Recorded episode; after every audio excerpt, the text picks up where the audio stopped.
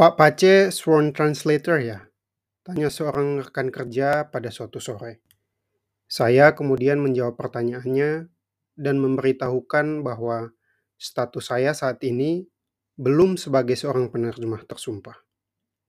Nah, di episode kali ini kita akan mengenal bagaimana prosedur untuk menjadi seorang penerjemah tersumpah di Indonesia. Hai, selamat datang di Adan O Podcast.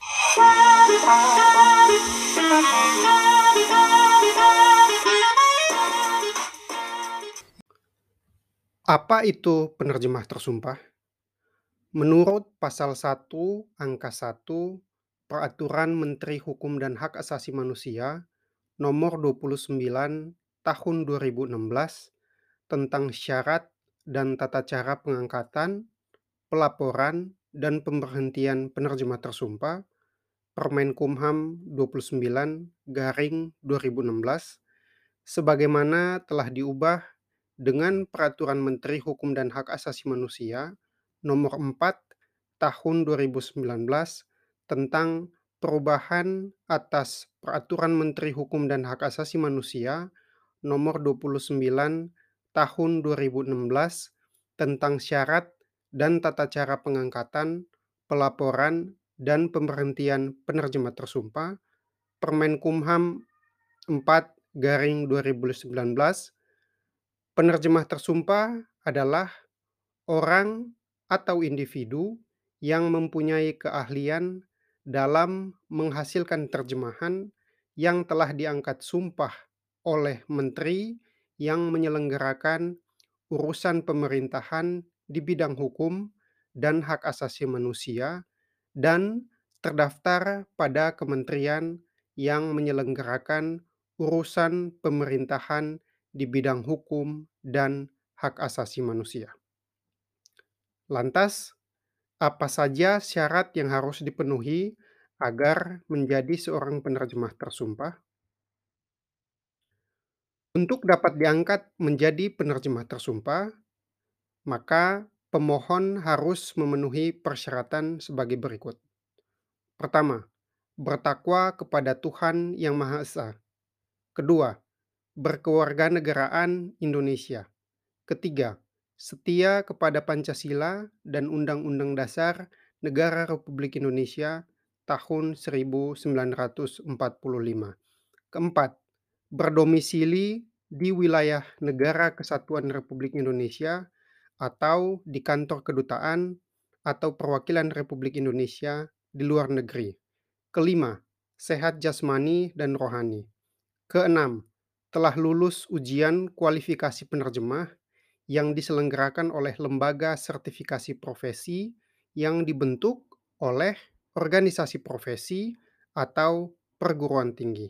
Ketujuh, tidak pernah dijatuhi pidana penjara berdasarkan putusan pengadilan yang telah memperoleh kekuatan hukum tetap karena melakukan tindak pidana yang diancam dengan pidana penjara lima tahun atau lebih.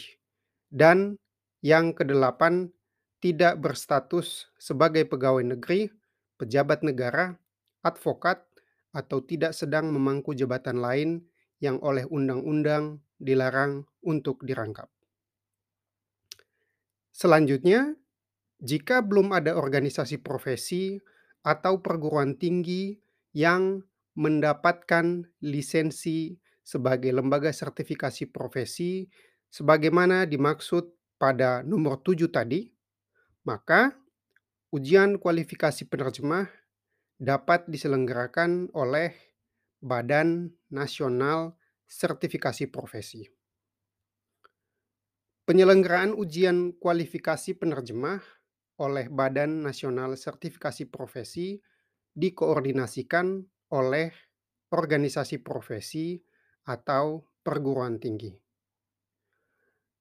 Persyaratan permohonan sebagaimana dijelaskan tadi harus dibuktikan dengan kelengkapan dokumen pendukung yang meliputi fotokopi kartu tanda penduduk, fotokopi sertifikat kelulusan ujian kualifikasi penerjemah yang telah dilegalisasi oleh lembaga sertifikasi profesi, fotokopi nomor pokok wajib pajak yang telah dilegalisasi oleh pejabat yang berwenang, asli surat keterangan sehat rohani jiwa dari dokter atau psikiater rumah sakit pemerintah, asli surat pernyataan tidak dalam status tersangka, terdakwa, maupun terpidana, surat pernyataan tidak berstatus sebagai pegawai negeri, pejabat negara, advokat, atau tidak sedang memangku jabatan lain yang oleh undang-undang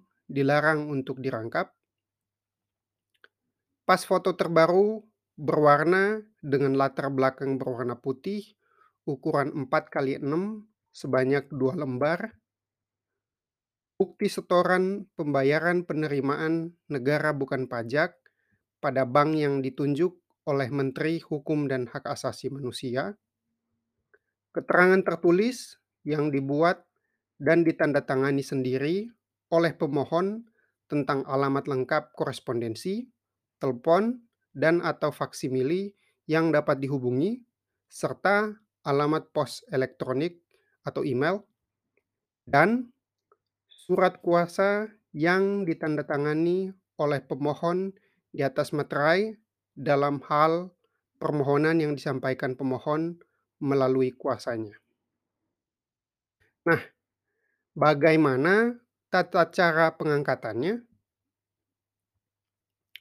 Untuk diangkat menjadi penerjemah, maka seseorang atau kuasanya harus mengajukan permohonan yang diajukan kepada menteri. Permohonan pengangkatan dikenakan biaya sesuai dengan ketentuan peraturan perundang-undangan di bidang penerimaan negara bukan pajak yang berlaku pada Kementerian Hukum dan Hak Asasi Manusia. Permohonan tersebut diajukan secara tertulis dalam dua rangkap dan ditandatangani oleh pemohon di atas materai serta melampirkan kelengkapan dokumen persyaratan yang telah ditentukan. Permohonan paling sedikit memuat identitas diri pemohon dan jenis bahasa yang akan diterjemahkan. Permohonan yang diterima wajib dilakukan pemeriksaan. Pemeriksaan dilakukan dalam waktu paling lama tiga hari terhitung sejak tanggal permohonan diterima. Jika dalam hasil pemeriksaan terdapat kekurangan kelengkapan dokumen persyaratan, Menteri mengembalikan permohonan kepada pemohon untuk dilengkapi. Kekurangan kelengkapan dokumen persyaratan pemohon harus dilengkapi dalam jangka waktu paling lama 30 hari terhitung sejak tanggal pemberitahuan disampaikan. Apabila dalam jangka waktu tersebut pemohon tidak melengkapi dokumen persyaratan, maka permohonan ditolak. Dalam hal hasil pemeriksaan dokumen dinyatakan lengkap, Menteri kemudian menetapkan dalam keputusan pengangkatan penerjemah tersumpah. Pengambilan keputusan dikenakan biaya sesuai dengan ketentuan peraturan perundang-undangan di bidang penerimaan negara bukan pajak yang berlaku pada Kementerian Hukum dan Hak Asasi Manusia.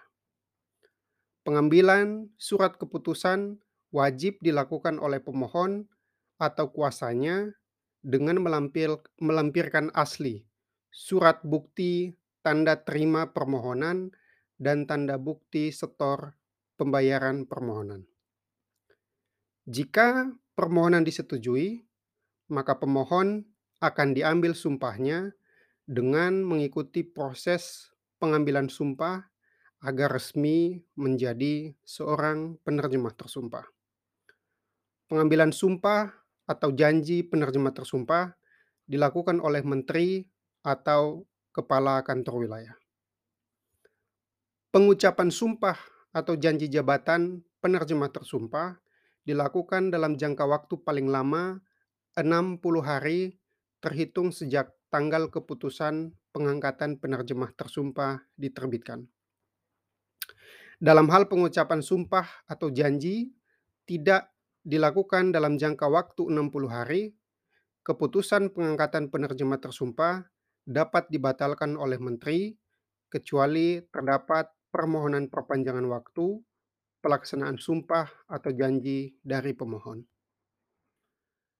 Pengambilan sumpah atau janji wajib dituangkan dalam berita acara pengambilan sumpah atau janji. Berita acara wajib disampaikan kepada menteri dalam jangka waktu paling lama 30 hari terhitung sejak tanggal pengambilan sumpah atau janji. Selain menyampaikan berita acara, penerjemah tersumpah juga wajib menyampaikan surat pernyataan telah melaksanakan profesi yang ditandatangani di atas materai yang berlaku dan keterangan tertulis mengenai alamat kantor, contoh tanda tangan, paraf, cap atau stempel penerjemah tersumpah. Meski demikian, hingga saat ini belum ada pengumuman resmi tentang rencana pelaksanaan kembali ujian penerjemah tersumpah yang terakhir kali diselenggarakan pada tahun 2010 lalu. Informasi terkini tentang teknis pelaksanaan ujian untuk menjadi seorang penerjemah tersumpah masih dalam proses penyusunan. Semoga cepat terlaksana. Terima kasih telah mendengarkan episode ke-24 ini hingga selesai. Jika kalian memiliki pertanyaan seputar A dan U Podcast, atau ingin memberikan saran atau kritik untuk siniar ini, silakan hubungi saya di a dan o at